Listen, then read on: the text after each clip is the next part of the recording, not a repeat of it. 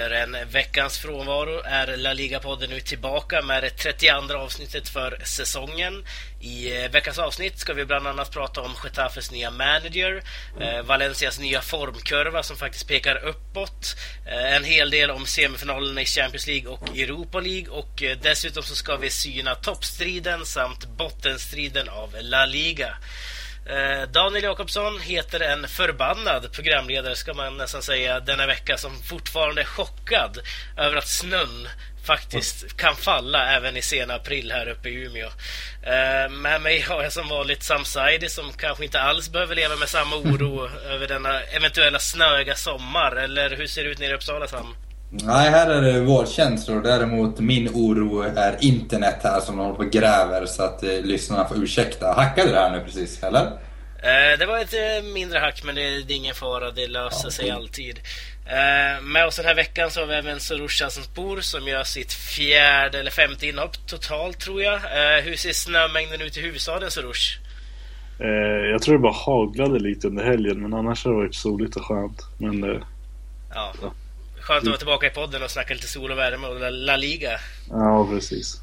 Ja, härligt. Eh, Men då går vi vidare med eh, veckans första programpunkt som vi alltid har varje vecka och det är ju då veckans fråga eh, som är inskickad av signaturen CH till laligapodden gmail.com dit ni andra också kan skicka era ämnen, synpunkter och frågor och så vidare som vi eventuellt tar upp i nästa program. Och CHs fråga lyder så här. Är det realistiskt för Celta Vigo att spela i Champions League nästa år? Eh, vilket lag tror ni tar fjärdeplatsen och varför? Jag bollar över den direkt till dig Sam. Eh, ja, eller... Ja, vi, vi måste förhålla oss till realiteten och det är klart att eh, Celta Vigo är bara fyra poäng efter Villarreal. Men när man tittar på Celta Vigos spelschema så ska de till Baskien, till Nya San Mames och man har Atletico Madrid borta kvar som slåss för ligaguld. Så av den anledningen tror jag det inte blir, alltså realistiskt är det ju men jag tror inte det kommer realiseras i slutändan. Så att eh, nej, det blir inget Champions League-spel men man får inte glömma bort att den här bedriften som då Celta Vigo har stått för den här säsongen oavsett hur det slutar är helt fantastisk. Precis, och Beritz har ju nytt, fått nytt kontrakt här också vilket kanske visar en del hur nöjda man är i klubben med honom. Eh, men eh, om vi fortsätter på, sam, på hans följdfråga här. Vilket lag tror du tar andra, eller fjärdeplatsen och varför tror du det? Var det till mig eller? Ja, precis. Fortsätt Ja, ja, nej, men jag tror eh, Villarreal kommer fixa det här i slutändan. Och eh, det grundar jag egentligen på... Alltså i och för sig har de ju två fronter att slåss på. De, har, de ställs ju mot Liverpool här nu i, i Europa League. Eh, men sedan så är det inte liksom ett omöjligt schema. Man har derbyt mot Valencia. Sedan har man Gijon i och för sig borta som, eh, som alltid kan vara lite krångligt. Men, eh, för sin överlevnad också. Ja, precis. Men eh, sen har man Depor hemma så att det är ändå ett överkomligt schema kan jag tycka. Mm. Så, Eh, ja. ja, vad, vad säger du då Soroush om de här frågorna som vi fick här av CH? Nej, men det, det är klart Villarreal ändå måste ses som favoriten även om de, eh, de har inte vunnit på tre sista tror jag nu. Men jag tycker Celta har, Celta har varit väldigt mycket upp och ner och speciellt nu mot senhösten var de så, här, så där fantastiskt bra som de kunde vara och sen har man Sen har de tappat lite och de har väl haft problem med skador också under säsongen så Nej, jag, jag tror inte riktigt på Celta på, för, på fjärdeplatsen och sen om man också vill ha liksom bra representation för Spanien till nästa säsong så hade det nog varit lite bättre med Villarreal tror jag också. Ja, du, du ser inte att det är realistiskt att Celta, som Sam säger, att de ska ta en fjärdeplats här? Nej, det känns ju inte så. Mm, härligt. Eh, tack för frågan CH. Eh, hoppas vi besvarar den, annars är det bara att höra av sig igen. Eh, jag tänkte att vi ska gå vidare här, med nästa grej som är då Getafes manager. Eh, förra gången vi sände, det var ju för ungefär två veckor sedan. Eh, samma dag som vi sände fick ju faktiskt, då pratade vi lite grann om Frans Skriba i Getafe. Eh, han, han fick ju sparken strax efter vi sände det där avsnittet och vi har inte hunnit prata om det än. Eh, han fick sparken i alla fall och in kom Juan Snyder, gamla mittfältaren i bland annat Real Madrid. Ehm, och han har ju coachat det här laget nu i några matcher då sen vi senast körde. Eh, har du sett någon skillnad Sam i Getafes spel sen de bytte tränare här nu? Eh, nej, det, och det är väl kanske lite tidigt om man, om man får säga så. Eh, och jag tror inte man är riktigt ute efter, efter en skillnad på, på liksom där långsiktig skillnad. Och Då kan man ställa sig frågan, är Getafe någonsin det egentligen? Eh, men eh, jag tror man bara vill få den här, eh, den här eh, snabba effekten. Ja. Den här nytändningen som ett tränarbyte faktiskt kan ge ibland. Och det har vi kanske inte sett, eller kan jag inte se någon direkt skillnad på planen. Men nu har jag väldigt svårt att försöka ta ett Getafe-perspektiv här eftersom jag hela tiden är på den onda sidan av Getafe. Eh, men jag tror definitivt att det, det är en desperat, desperat förslag, försök som liksom kollar man historiskt så kan det nog gå hem för det är just Getafe vi pratar om. De har en tendens att liksom gneta sig kvar i La Liga. Ja, precis. Om vi kollar på sen han tog över, han har coachat tre matcher nu, förlorade ju med 5-1 mm. då första mot Real Madrid, vilket inte är så konstigt egentligen. Nej. Eh, men sen så tog man ju faktiskt sin första seger sen i mitten av januari där när man vann mot Real Sociedad borta. Eh, har du sett någon slags injektion sen när Snyder kom in här, Soroush? Eller känner du att det är bara den här nya spiriten som har kommit in? Nej, men jag måste hålla med Sam där. Det är just när och det, det, kan ju vara viktigt. Det, man ska inte förminska den effekten en sån tränare kan få just i det här läget Getafe är i. Men på plan så, nej, det, det, blir inte någon effekt utan det blir mer pragmatiskt. Och, och nu har man ju bara en poäng upp till Granada så visst kan det lösa sig. Men jag tror det här, det här speglar ju också Getafes organisation och allt som har kretsat kring klubben de senaste åren. Så jag vet inte, jag, jag känner gärna att, eller jag känner att de de skulle kanske må bra av att åka ner en säsong ändå. Ja, det är frågan om de kommer upp då. Det är ett getingbo där nere å andra sidan. Eh, men ser du Snyder som en tillfällig lösning för resten av säsongen? Eller kan det vara en manager? Han har ju inte tränat så många klubbar tidigare, bara Cordoba för tre år sedan tror jag, en kort sejour. Eller, är det bara, eller kan det vara en långsiktig lösning det här, Soroush? Alltså, han, säsongen ut lär han väl få sitta, men jag är just väldigt skeptisk till tränare som får ta över halvvägs genom säsongen och sen fortsätta säsongen därpå. För det blir så sällan bra just att man kommer in i ett uppskattat läge och sen när den effekten rinner av så har man sällan det, då, blir, då blir de här tränarna väldigt exponerade och sällan har de de har väldigt sällan just den kompetensen som behövs. Mm, så är det ju verkligen. Och det, i och med att han, fått, han tog över när det var sex matcher kvar, det är ju inte kanske det ultimata läget. Men eh, vad, vad säger du Sam? Tror du att det här kan vara en tränare som Getafe bygger på? Eller, äh, det, är, det är ju ingen jätteerfaren tränare, ska vi börja med att säga här. Nej, men det är klart att eh, om man nu lyckas hålla kvar Getafe så kommer man ju förmodligen inte sparka honom. Då förtjänar han ändå få en chans inför hösten och en ny start. Eh, men jag tror inte det finns en, en långsiktig, ett långsiktigt tänk bakom anställningen till varför han fick jobbet just nu. Det tror jag absolut inte. Nej. Eh, sen får vi se hur det går också resultatmässigt. Om man håller dem kvar, det kommer vi nog komma in på lite mer i del 3 där jag tänkte att vi kanske inte ska avslöja för mycket vad vi tror om Getafes framtid här. Eh, men vi, vi, går vidare till ett lag som är ganska neutralt just nu. Eh, de var ju faktiskt neddragna i bottenstriden också, det vill säga Valencia ett tag i alla fall. Eh, de har ju sparkat Gary Neville nu, fått in Paco som tränare. Gamla, Rafa Benites gamla assisterande tränare och han har ju faktiskt fått ordning på det här Valencia nu. Eh, fyra raka utan förlust i ligan och så vidare. Slog ju Barcelona borta, bara en sån sak. Eh, känner du här Soroush att framtiden kanske ljusnar lite grann i Valencia? Har man en framtidstro i klubben igen? Det tror jag man absolut har. Och sen, men det är just det, på plan ser det bättre ut. Sen, sen vet vi att Valencia kommer alltid dras med vissa problem utanför. Och mm. Om det löser vet jag inte. Man, man har ju fortfarande problem med lim på toppen. och Jorge Mendes status i klubben och det är så mycket runt Valencia som jag tror hindrar dem att verkligen ta det här steget. Och det är det steget jag tror många trodde att Valencia skulle ta till den här, till den här säsongen. Så visst, men som vi var inne på tidigare också, det är ganska, ganska uppskattat att komma in så här på slutet och få vara den nya tränaren som ger den här energieffekten, speciellt efter Neville som ja, bara blev ett fiasko egentligen. Ja, verkligen. Eh, men vad säger du då Sam? Känner du att eh, Valencia kanske har släppt den här krisen bakom sig nu? Eller finns det fortfarande mm. gnager som Soroush är lite inne på? den gnager nog, men det är klart att man har fått lite andrum i och med de här eh, ja, nödvändiga segrarna. Man, man har ju ändå uh, vunnit, eller ja, nu spelar man Overwatch mot Getafe innan det är tre raka segrar. Eh, varav en på Barcelona, eller i Barcelona på Camp Nou. Eh, så det här är ju en nytändning helt klart och man har fått andrum. Man är ändå så här på en åttonde plats. Det ser också mycket bättre ut eh, rent liksom, estetiskt när man kollar på tabellen. Även om det är liksom ett getingbo. Det är bara så få poäng som skiljer sig. Man nere fem placeringar. Eh, men eh, ja, det, det, jag tror Valencia, man, man, kan nog inte bara glömma de här problemen som har varit. Valencia har strukturella och lite problem bakom kulisserna som måste eh, lösas. Men eh, det är klart, det är skönt just nu. Ja, precis. Eh, hur tror du att det kan bli i framtiden här för Valencia? Du säger att det är fortfarande gnagel lite saker så bakom kulisserna och sådär. Är det någonting som man bara kan släppa och gå vidare med eller är det någonting som kanske påverkar även nästa säsong? Eh, tänker du här Sam? Eh, om vi tänker för Valencia-supportrarna, hur de ska ta känning för kommande säsong?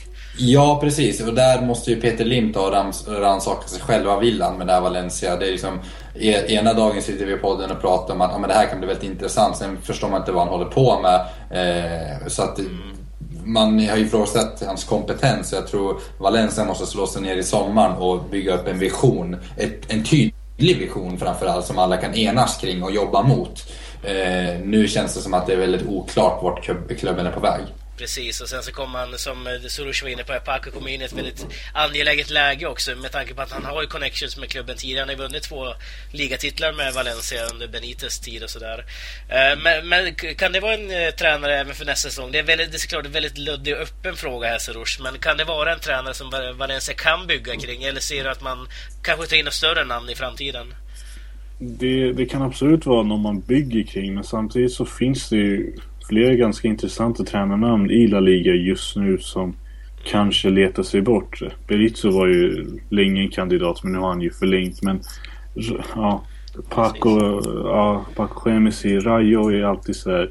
Hans namn dyker alltid upp och det finns några andra namn som också känns ganska bra där. Men det, det är så svårt med Valencia för jag har fortfarande ingen känsla för vad, vad klubben vill och hur man, hur man vill ta sig framåt. Så det, det känns som att man fortfarande står och trampar och då blir det ganska svårt att hitta en tränare som kan göra något i den klubben. Man är, man är liksom dömd till att misslyckas om och om igen känns det som. Ja, precis. Får se om Koman kommer tillbaka där. Vem vet, det gick ju lite sådär senast han var i Spanien och härjade. Eh, men eh, vi ska sätta stopp här nu för del 1 och eh, när vi är tillbaka så ska vi lägga fokus på Champions League och Europa League.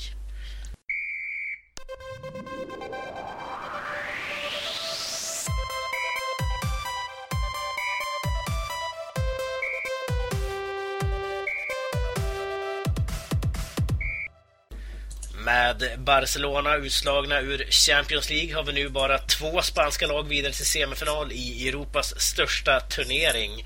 Eh, ikväll, eller ja, igår när det här sänds, så spelade Real Madrid borta mot Manchester City på Etihad Stadium i en match som slutade 0-0. En eh, ganska tråkig sådan om jag själv får lägga in min mening här. Eh, men för, först och främst, hur upplevde du den här matchen? Jag, jag upplevde den inte alls lika tråkig, men nu har jag sett så många säga det så jag får väl, ja, jag får lita på ert, ert omdöme. Men eh, jag tycker det var en ganska... Det var, ing, det var ingen bra kvalitet i matchen.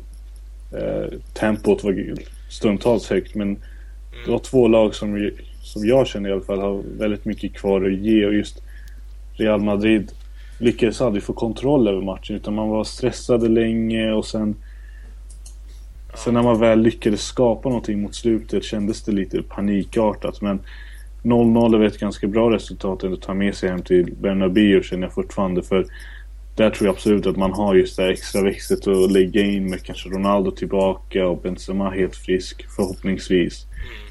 Men det, det är ett bra läge men City har väl, City har väl också rätt mycket kvar att ge känns det som. Ja, eh, hur, hur såg du på den här matchen Sam? Såg du den på samma sätt som Soroush? Alltså det var, ja, alltså det var ju en väldigt... Det kändes som att det var så här riskminimering från sekund ett. Ingen ville riskera. Eh, det kändes som att båda någonstans ville att det skulle eh, vara en match, alltså att det ska avgöras nästa match och att mm. båda vill... Eh, och, och, jag tror båda är ganska nöjd med resultatet om jag ska vara ärlig. Real känner bara nu har vi allt i egna händer på Bernabéu, man är väldigt starka där. Och City känner att ja, får vi, vi, vi, fick, vi höll nollan hemma så att det, det är ett lurigt resultat och att den lever. Och, och eh, det var lite så spelarna agerade på planen också, just den här riskminimeringen. Eh, och jag tror det kommer fortsätta faktiskt i, i Madrid den första halvleken. Jag tror vi kommer behöva ett förlösande 1-0 eller 0-1 mål där som kommer öppna upp den här matchen. Ja, eh, du, du var inne på lite kort här så att Ronaldo saknades ju. Hur, hur, hur syntes det? Var det liksom ett stort avbräck för Real? Är det, är, kan man inte göra mål utan Ronaldo? Ja, alltså jo, det är klart man kan göra mål. Det är klart man har det är ingen ursäkt liksom, för man har ju ändå Bale, man har ändå fortfarande andra spelare som ska kunna göra det. Men jag tror just att Ronaldo har, har en effekt som är ganska svår att mäta och det är ganska svår att svår att liksom se om man, om han inte är på plan. Och det är ju så att han ger tyngd i anfallsspelet. Det är alltid någon man kan någon, en targetspelare man kan spela på ibland också. Och man vet, då vet man att det finns en spelare där uppe som motståndaren har respekt för och då får man lite andrum. Nu som matchen blev ikväll så var ju mittfältet under extrem press från The City som gjorde det ganska bra och liksom eh, lyckades, lyckades förstöra mycket av Real Madrids spel. Men ja. saknade, vill... du, saknade du Ronaldo i den här matchen då? Jag saknar alltid Ronaldo. det är klart gör. Men, jo men absolut. Alltså det, en sån spelare i en sån här match. Det, det är då de plockar fram det. Och när han är borta så, så blir det ju en, en effekt per automatik nästan. Ja, eh, hur upplevde du avsaknaden av eh, Ronaldo Sam? Eh, kändes som att Real kanske hade behövt honom i den här matchen? Ja, Ronaldo, hans avsaknad, eh, han lyste verkligen med sin frånvaro och det, det märktes. Eh, inte nödvändigtvis spelmässigt. Eh, jag är inte så förtjust i Ronaldo spelmässigt. Eller förtjust kan man kanske inte säga. Men att han, han eh, är lite överskattad spelmässigt. Men målmässigt tvärtom. Där är han ju nästan underskattad. Jag tror inte ens vi förstår hur bra, vilken målskytt Ronaldo är. Eh, jag tror inte liksom folk tar in det. Jag tror han måste sluta med fotboll. Så, så då kommer vi kunna ta in det fullt ut. Eh, och där märktes det ju att jag, jag tror att det hade behövts en Ronaldo som hade Eh, kunna öppna upp den här matchen. Jag tror att Ronaldo faktiskt hade kunnat gjort ett, ett 0-1 mål och då kanske matchen hade utvecklats annorlunda. Då hade City kanske tagit mer risker och gjort ett mål. Och ja, Ronaldo eh, saknades. Ja, eh, vi fick ju som sagt alltså ett mållöst resultat. Eh, det, det, är väl både positivt och negativt för Real Madrid kan jag tänka mig. I och med att gör City ett mål borta, vi säger 0-1 ganska tidigt, så måste ju Zidane framåt göra två mål. Eh, hur upplevde du resultatet? Så känns det som att det är ett resultat som är ganska värdigt och faktiskt är spelbart eller hade det väl haft något annat resultat här? Såklart att du vill vinna, men jag tänkte om det, det duger 0-0.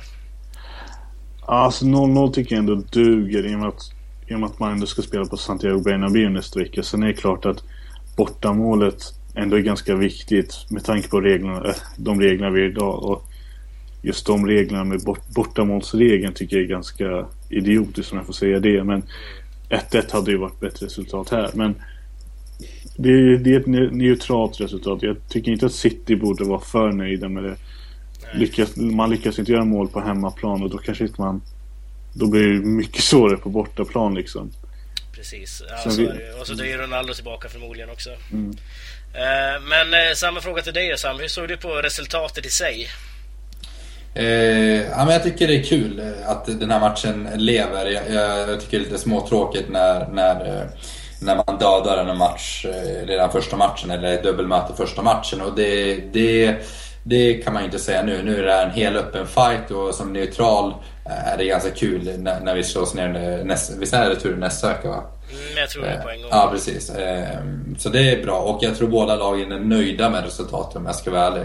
Ehm, jag tror hade man fått det här resultatet eh, på förhand så tror jag faktiskt båda hade tackat ja. Mm, härligt. Eh, vi går vidare till den andra matchen då som spelas ikväll när det här programmet sänds. Det är alltså Atletico Madrid mot Bayern München. Och sen väldigt öppen match på förhand känns det som i alla fall.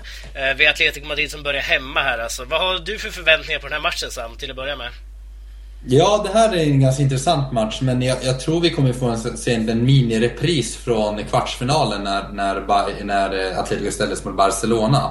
Eh, det kommer vara i stort sett samma matchbild tror jag och Simeone kommer lägga upp planen ganska snarlikt. Man möter nu Guardiola, ett Barcelona-inspirerat Bayern. Eh, men jag tror att Bayern kommer kunna störa eh, Atleticos försvar på större prov än vad Barcelona lyckades med. Dels för att man har spelare som eh, kan bryta mönstret och man har andra kvaliteter som Barcelona inte har. Man är lite starkare i boxen, man kommer ge Godin eh, lite mer utmaning i det fysiska spelet. Eh, och samtidigt som man har den här kreativiteten i, i stort sett Barcelona-klass. Det är väl bara eh, Bayern som kan mäta sig med Barcelona när det kommer till den här eh, possession-fotbollen. Eh, så att, ja, det kommer bli intressant, helt klart. Ja, eh, vad har du för tankar här Soros? Hur tror du att det kommer se ut här imorgon, eller ikväll? Eh, jag, är inne, jag är inne helt på samma spår. Jag tror matchbilden i sig kommer just bli repris som mot Bar Barca då. Mm. Men eh, det är just det att jag tror att Bayern har Bayern har ju lite där från från innan Guardiola-eran att man har, man har den här andra fotbollen som man nästan kan falla tillbaka på. Man kan spela kontringsfotbollen. Man, man har det kvar från Heinke och, och tidigare liksom. Och det syns väldigt mycket i Müller och i Lewandowski och liksom resten av spelarna att man kan kliva upp i straffområdet och verkligen hota på ett sätt som Barca inte riktigt kan göra eller Barca får svårt att göra när, när motståndaren backar hem och väljer att parkera. Och det, det tycker jag syntes med Barca liksom att Neymar kom inte upp till sin vanliga nivå. Suarez hade det svårt. Messi hade det också relativt svårt. Atletico har lärt sig att stänga dem, just de spelarna. Men mot Bayern så det, blir, det är precis tillräckligt annorlunda för att det ska oroa Atletico. Ja, eh, och tillbaka till den matchen har vi också Fernando Torres, om jag inte missminner mig nu, i efter hans avstängning som var en match. Eh, kan inte vara mer än så, tänker jag. Eh, och han har ju faktiskt visat en väldigt stark form på sistone. Han gjorde mål mot Barca när han spelade och har gjort mål i fem raka matcher nu, tror jag, eller något sånt där. Ehm, kan det vara realistiskt här nu? Jag tänker att ibland så startar ju Atletico med bara en anfallare, kanske Griezmann. Men eh, mot Barca borta så startar man ju med Torres där fram och Griezmann lite längre bak. Eh, är, det, är det realistiskt att vi får se Torres från start här mot eh, Bayern München, Sam? Ja, det tror jag. Just för att man vill få in den här, det här djupledsspelet som Torres faktiskt bidrar med. Och speciellt i den här första matchen när man kommer ligga med ett tajt försvar. Ehm, så tror jag definitivt man kommer starta med Torres och han är inne i en bra, bra, bra form nu också. Så att, eh, jag, jag, skulle sätta mina pengar på Torres helt klart. Ja, eh, vad är det som har hänt med Torres Rouge? Har du sett någonting eller är det bara att han har hittat formen äntligen efter tre fyra år? Det är svårt att säga. Är, han, han känner ju sig, eller det verkar som han känner sig hemma i Atletico. Och just, det, det, har ju någon effekt och det är svårt att mäta det därför vi, vi, inte om, vi får inte in, den inblicken i omklädningsrummet men Nej, precis. Det, det, har ju någon effekt och sen ja, nu, nu har ju Torres också kommit upp i åldern även om det, det man liksom inte märker av det med tanke på hur han ser ut men han har också den erfarenheten tror jag, den rutinen och ju längre in i turneringen man kommer desto mer blir det värt så jag tror han också känner det att han får ett större ansvar än här än han till exempel hade fått tidigare fick i Chelsea och liknande. Mm. Ja, jag är ju ett stort fan av Torres. Jag hoppas ju såklart att han... Jag ska jag vara ärlig så håller jag ju faktiskt på Atletico Madrid i det här, de här semifinalmötena totalt här. Så jag hoppas de vinner hela, hela skiten om man säger så. Eh, men eh, så att Torres, ja varför inte? Hoppas han fäller avgörande där. Eh, men lite kort här tänkte jag nu. Jag ser att vi redan nu har runnit ut lite om tiden här. Men jag tänkte att vi ska snacka om Europa League semifinaler som spelas på torsdag då.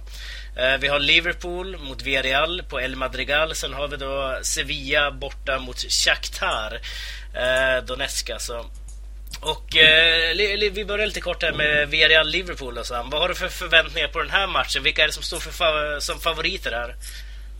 Ja, det är en klurig match. Jag har eh, i ärlighetens namn har intresset för Liverpool kanske blivit lite starkare nu sen Klopp kom dit. Och Liverpool eh, har ju hittat, det eh, kommer du kanske kunna svara mycket bättre på Daniel som håller på Liverpool verkar ha hittat en harmoni i klubben och man verkar väldigt motiverad och man är inne i en bra period just nu.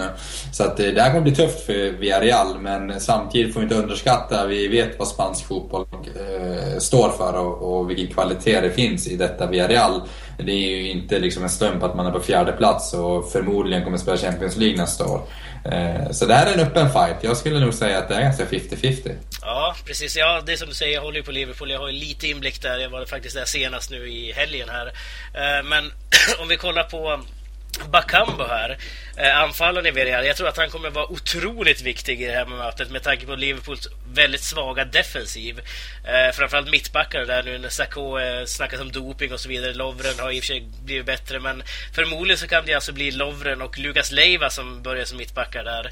Eh, eventuellt eh, Lovren och eh, Skertel eller Lovren och Kolo Men det är, det är inga tunga pjäser där bak. Tror du att Bakambo och Soros kan eh, utnyttja det här och tror att han eh, kommer spela en stor roll i det här dubbelmötet?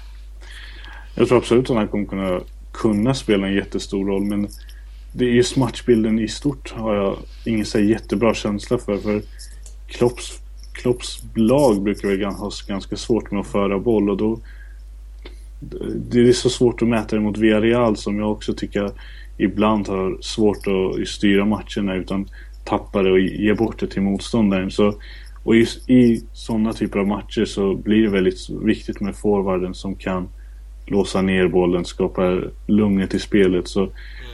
Det är ju där, det är där lösningen ligger för Villarreal, absolut. Ja, vilka tror du tar sig vidare härifrån då? Jag tror Villarreal. Mm, Sam?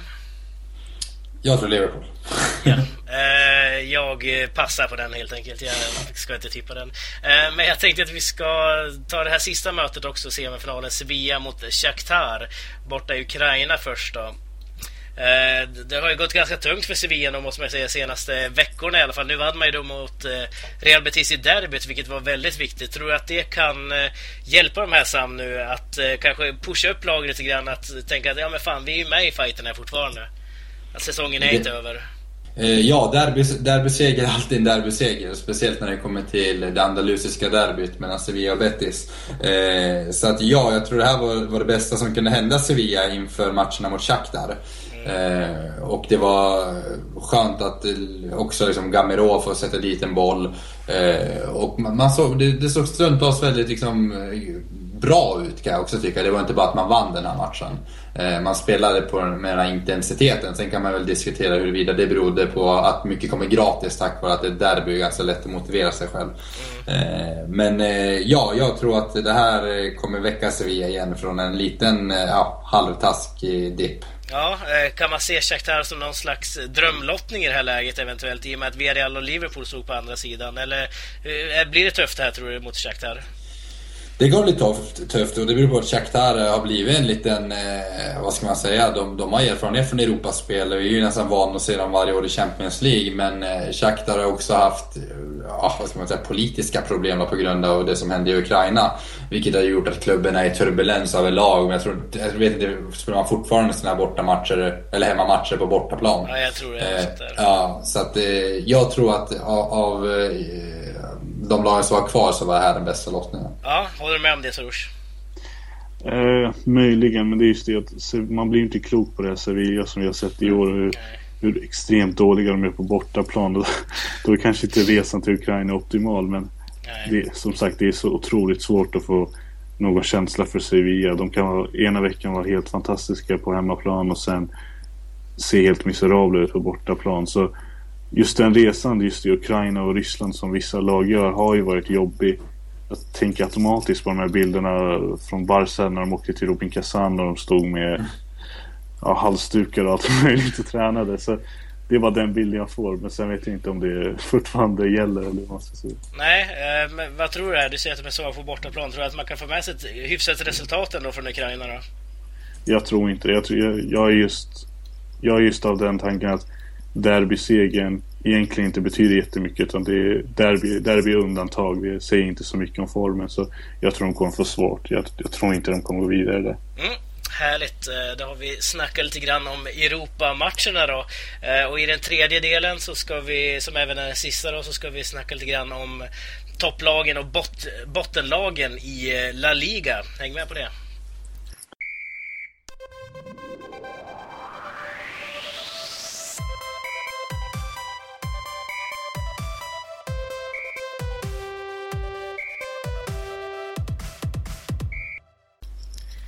I denna tredje och eh, sista del ska vi analysera och diskutera om eh, toppstriden samt bottenstriden av La Liga.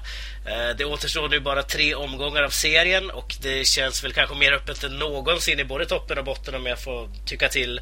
Och allting kan ju faktiskt avgöras så sent som i den sista omgången om det vill sig väl eller vill sig illa för den som tycker så. Eh, ser vi till toppen så finner vi att både Atletico och Real Madrid går som tåget och att Barcelona äntligen verkar ha hittat sin form efter den där lilla dippen de hade. Och eh, frågan är väl egentligen ganska luddig och öppen på samma gång då. Eh, vilka vinner La Liga i slutändan, Sam?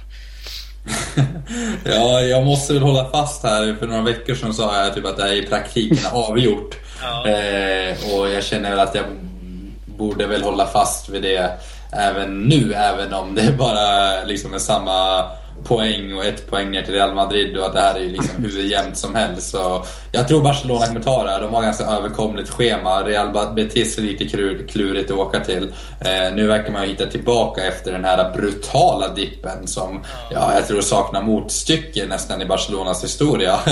eh, ja, nästan så. Den där månaden, det går ju inte tror man hade fem, liksom fem förluster där på, av sex matcher. Vad, vad berodde det på då? Att det var eh, ja, ja, det är en bra, bra fråga. Eh, och det finns nog inget enkelt svar. Jag, när jag pratade med dig i telefon här idag så, så sa jag att det berodde på Johan Cruyffs död. Eh, och jag funderar lite på det. Ja, jag vet inte hur mycket det skulle påverka spelarna på planen. Men någonting kanske satt sig då ändå. Ja, det var ju liksom, vi, vi pratade ju om det där och det var de vann ju ingenting direkt efter Cruyff. Nu har det gått en tid. Jag vet inte om man läker såren så snabbt. Det gör man ju sällan efter en död. Ja. Men, eh, det är mycket död i Barcelona överlag de senaste åren. Det har ju varit det. Lite tråkigt ja. med Tito och sådär. Eh, men eh, vilka tror du vinner Soros? Jag, jag måste ju hoppas på Real Madrid in i det, in i det sista liksom. Ja, absolut. Men för, för jag kommer ihåg att vi satt ju här innan i Classico och då det enda jag hoppades på då var ju att Real Madrid inte skulle bli förödmjukade och att de skulle lyckas, skulle liksom avsluta säsongen med någon form av ära. Men nu när hon är så här nära och Real har väl svåra spelschema kvar också men det är så svårt för jag, jag tyckte inte Barcelona såg särskilt bra ut i helgen heller utan det var, det var en sån här typisk La Liga-match där man får in ett mål och sen blir det kämpigt och sen bara rinner det iväg. Jag vet inte, vi får väl höra vad Sam kanske har att säga. Men mm. jag tycker fortfarande inte Barca känns helt jätteklara. Sen, sen har de ganska bra läge ändå med spelschemat de har kvar. Ja, det är lite intressant att du nämner det i och med att spelschemat ser ju väldigt eh, komfortabelt ut för Barcelona. Men spelmässigt, nu har man i och för sig vunnit med 8-0 och 6-0 så det går ju inte att klaga på. Men spelmässigt Sam, hur ser du på Barcelona som favoriter? Tycker du att man presterar bättre än Atletico Real just nu? Nej, jag håller ju med. Alltså visst, man vinner med 0-8 och 6-0 och det är ju fantastiska resultat men det är ju inga imponerande... Det, alltså insatsen, prestationen är inte så imponerande. Det där beror ju rakt av att det finns en grundläggande individuell kvalitet i Barcelona som, som kanske som de andra lagen inte kan mäta sig med. Eh, och det är ju det som gör att man vinner med 8 och 6-0 mer än att det faktiskt sitter rent kollektivt. För jag gör inte det är någonting som har hänt. Eh, jag tror att det är liksom mer komplexa eh, alltså komplexa svar till den frågan vad det här beror på. Eh, mer att Cruyff då, det är nog en, en, en faktor men det finns nog någonting mer som inte vi känner till här riktigt. Eh, så att ja, ja man ska inte bli lurad av resultaten utan Barcelona är fortfarande i förarsätet men deras negativa form, och det känns ju helt sjukt att säga efter två eh, segrar med 8-0 och 6-0.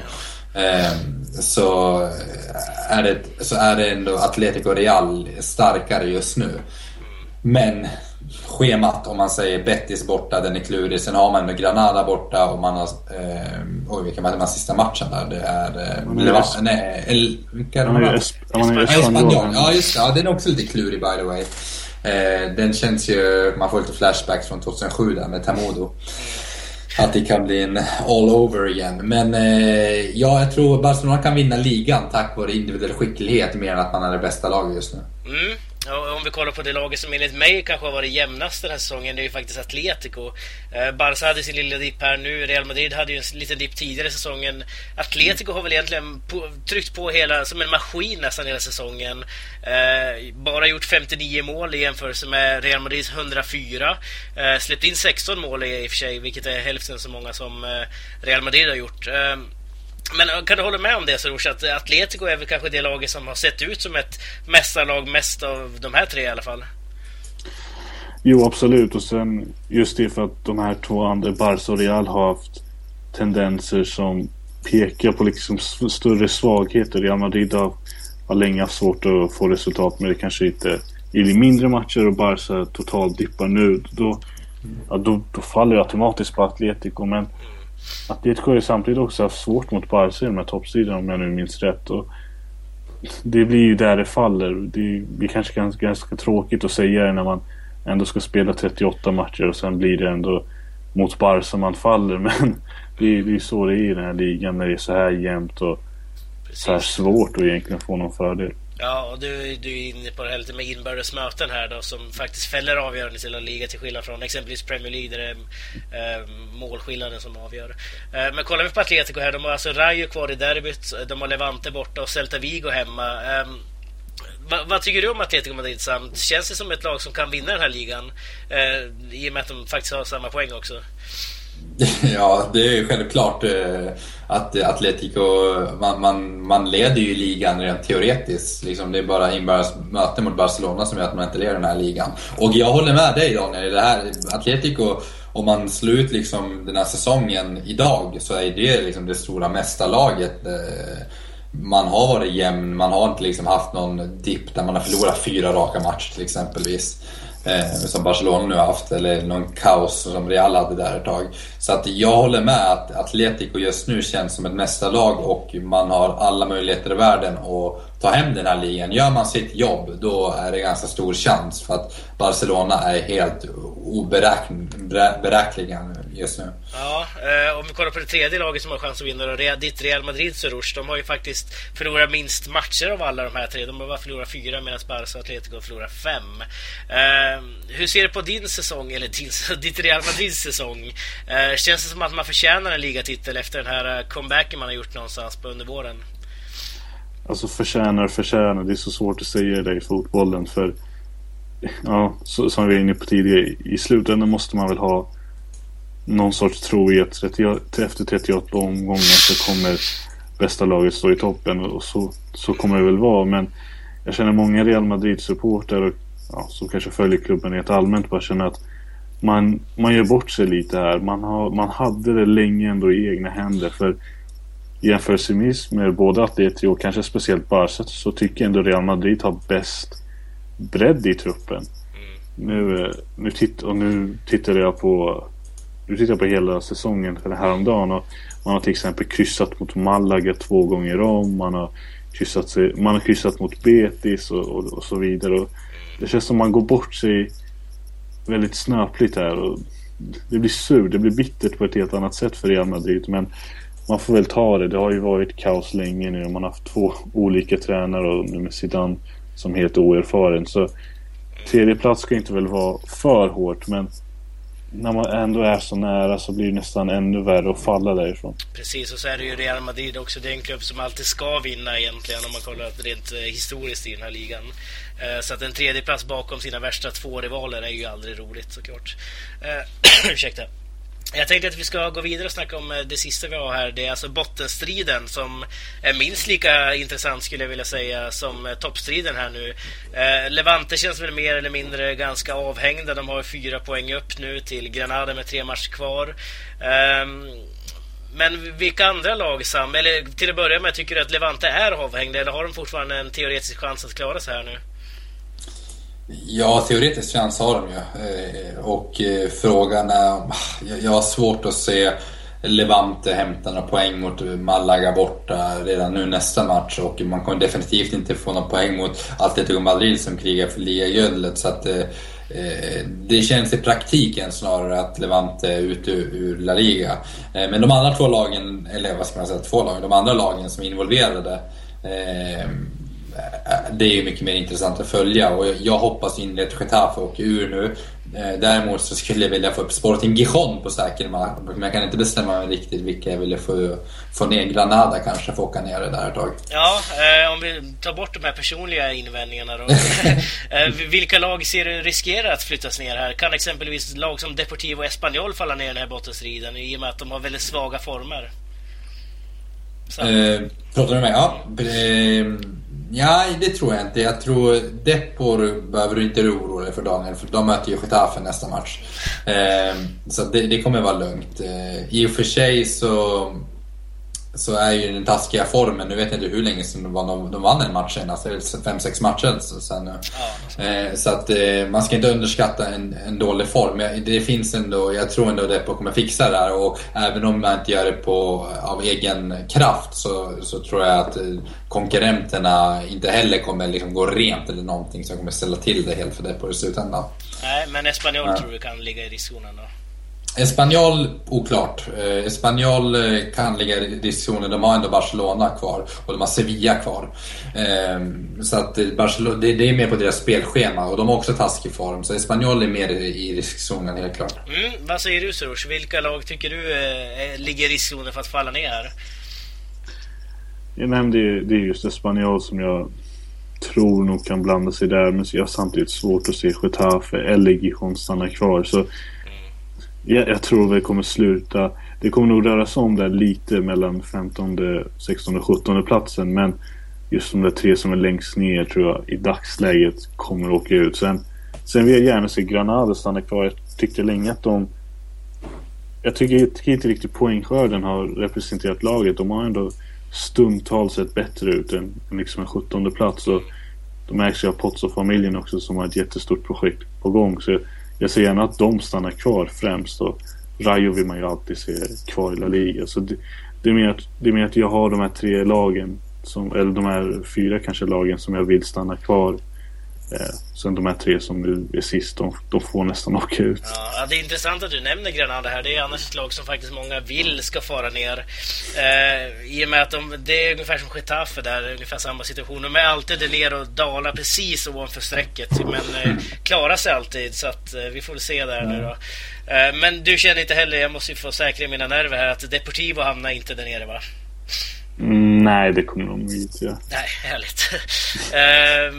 Ja, men eh, jag tror att vi får nöja oss där så länge. Vi kommer ju helt klart komma in på bottenstriden och toppstriden för den delen eh, lite mer framöver här nu i och med att det är ju inte så många matcher kvar. Det är bara tre matcher kvar. Sen har vi någon eh, lite Champions League och en Copa del Rey-final kvar också av säsongen.